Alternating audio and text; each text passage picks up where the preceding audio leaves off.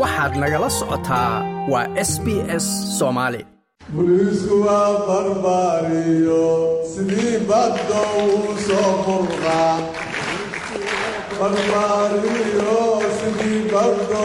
soo burqaa wasiirka amniga guddoomiyaha gobolka banaadir taliyaha ciidanka biliiska soomaaliya taliyayaasha qaybaha biliiska marti sharaf kale ayaa ka qayb galay munaasabad dugsiga tababarka ciidanka biliiska jenaraal kaahiye loogu qabtay saraakiil tababar leyli sarkaal soo dhammaysatay iyo xil wareejinta taliyaha cusub ee ciidanka biliiska gobolka banaadir kaasi oo lagu bedelay taliyihii dhowaan geeriyooday ee farxaan qaroole. Wasiirka wasaaradda amniga gudaha xukuumadda federaalk ee soomaaliya ayaa ugu horrayntii munaasabadda dah furay baarsi waa qaadataan macnaheeda waa in falalka dembiyada dhaca ee ku dhaca bulshadeena loo helo waddo sax oo lagu ogaanayo cidda samaysay iyo sababtay u samaysay lana marsiinayo waddada cadaaladda ee saxday si muwadanka soomaaliyeed u helo xaqiisa iyo wax uu gudan yahay oo ah inuu si nabad ah nabadgelyo ah iyo sharaf ah dalkiisa ugu noolaado dhankiisii taliyaha ciidanka biliiska soomaaliya jenaraal cabdi xasan maxamed xijaar oo goobta ka hadlay ayaa la dardaarmay saraakiisha tababarka dhammaysatay waxaana uu sheegay in looga fadhiyo ka shaqaynta amniga guud ee dalka iyo in ay u cadaalad falaan bulshada ku dhaqan dalka gaar ahaan gobolka banaadir. Mas'uuliyad baa idin saaran. Sarkaalnimadu si sahlan ma aha.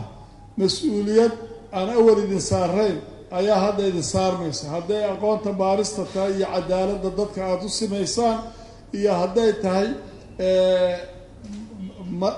noqoshada madax ama sarkaal sare ama sarkaal aada noqoto waxay ku waxay ku kugu xambaaraysaa inaad mas'uuliyad saa-ida aada isa saarto sidaad ula ula dhaqmi lahayn shacabkeena waxaan rabnaa dadka dembi baarista la bariya saraakiisha dadka aan u adeegaynaa waa dad soomaaliyeed. Waa dad subax walba dacwo iyo dana saldhigyada ayay ka soo gelayaan meelaha aada joogtaan. Dadkaas markay idiin imaanayaan xaalado kala duwan bay ku jiraan. Qof baa cadhaysan qof baa faraxsan mid baa cadaalad darro sheeganaya in la dhegaysto oo loo dulqaato oo ay noqdaan dadku kuway ku soo cararaan boliisku inay noqdaan ayaa la rabaa. Marka inaad dhegaysataan dacwadoodu si ay tahayna cadaaladna aada u fashaan waa waajibka koowaad ee laydiin tababaray.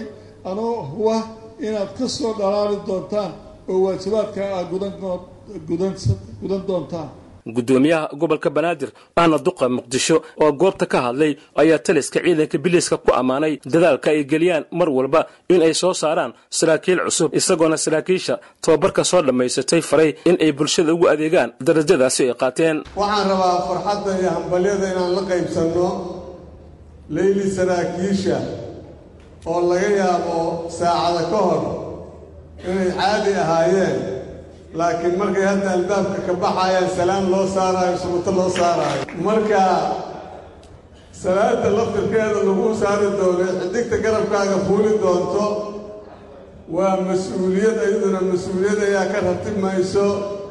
Mas'uuliyaddaasi waxaan leenahay kii guto allah kaa dhigo allah kula qaado. Taliyaha booliiska iyo garbahiisa mar kastaba waxay soo taagan yihiin siday boliiska u barbaari lahaayeen ay boliiska loo kobci lahaa maxaa yeelay astaanta qaranka waa boliiska waaye. Annaga marka boliiska laga hadlaayo sharciyadda ciidanka ciday u dhammaystiranta waxaan dhahnaa boliiskaa ka jiro.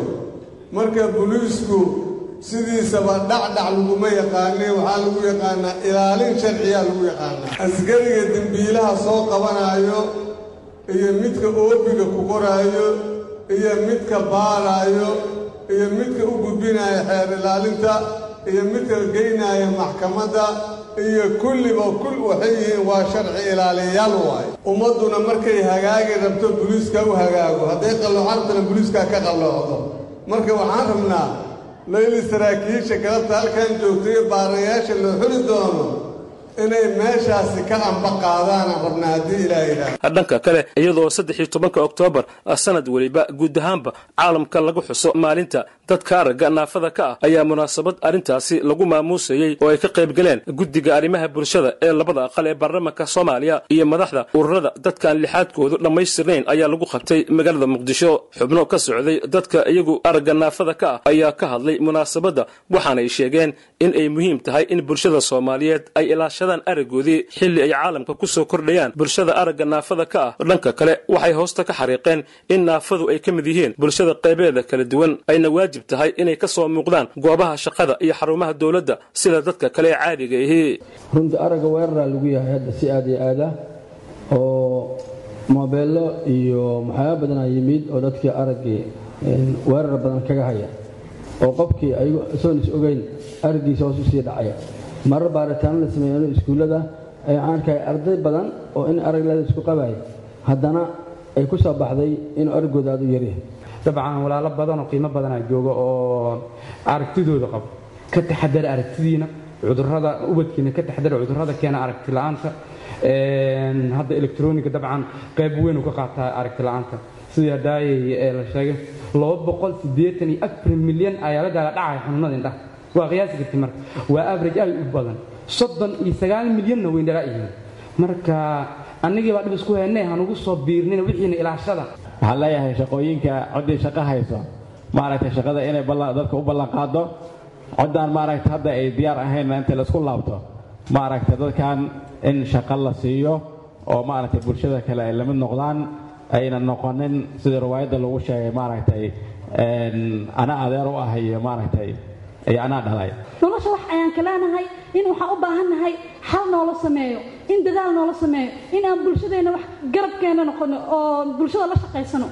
Ya laakiin haddayna udhaa naafaad tihiin masaakiinaad tihiin oo meel markaa iskugu imaana boqol boqol doolar ama toban gool doolar noola qaybiyo nolosha taas waxba nagama bedelayso. Waxaan aad iyo aad ugu mahadcelinayaa oo markii ugu horreysay aan arkana ay tahay inta jeer ee aan xaflad soo qabanay baarlamaan guddigiisa arrimaha bulshada ay wada dhan yihiin oo noo wada imaado maanta inoogu horaysaa waxaan rabaa marka inaan laba fariimood diro saddex fariimood aan dhehe. Guud ahaan inteenaa meesha wada joogno inaan safiir u noqono dadka naafada islamarkaana aan ka shaqeyno horumarinta waxbarashadooda caafimaadkooda iyo wax alla wixii adeeg bulsha u baahan yihiin xildhibaanad caasho faarax oo ka tirsan guddiga arrimaha bulshada ee baarlamaanka federaalk soomaaliya ayaa ballan qaaday in gudaha baarlamaanka iyo sidoo kale heedaha dowladdu ay ka baadigoobi doonto xaqa bulshada aragga ay ku leeyihiin dalka soomaaliya. Aan anagu haddii aan nahay guddiga horumarinta bulshada aan wasaaradaha u hor istaagno inaan ballan qaadno guddoomiyihii guddiga iyagana waa ila fadhiyaa. Si ururka aragti la'aanta ama baahida gaarka dhallinyarada leh in loo shaqeeyo loo istaago maaragta ay xaquuqdooda u helaan baarlamaanka ka helaan.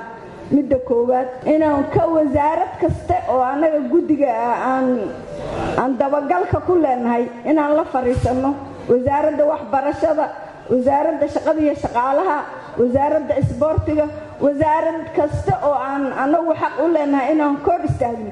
Inaan nidhaahno xafiiskaaga waa in laga helo dadka baahiyahan leh waa in ugu yaraan shan lix sanadka dambe markii aan tagno wasaarad kastana.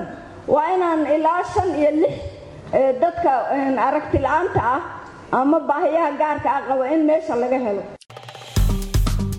Like aas la wadaag wax ka dheh lana soco barta facebooka ee sb s soomaali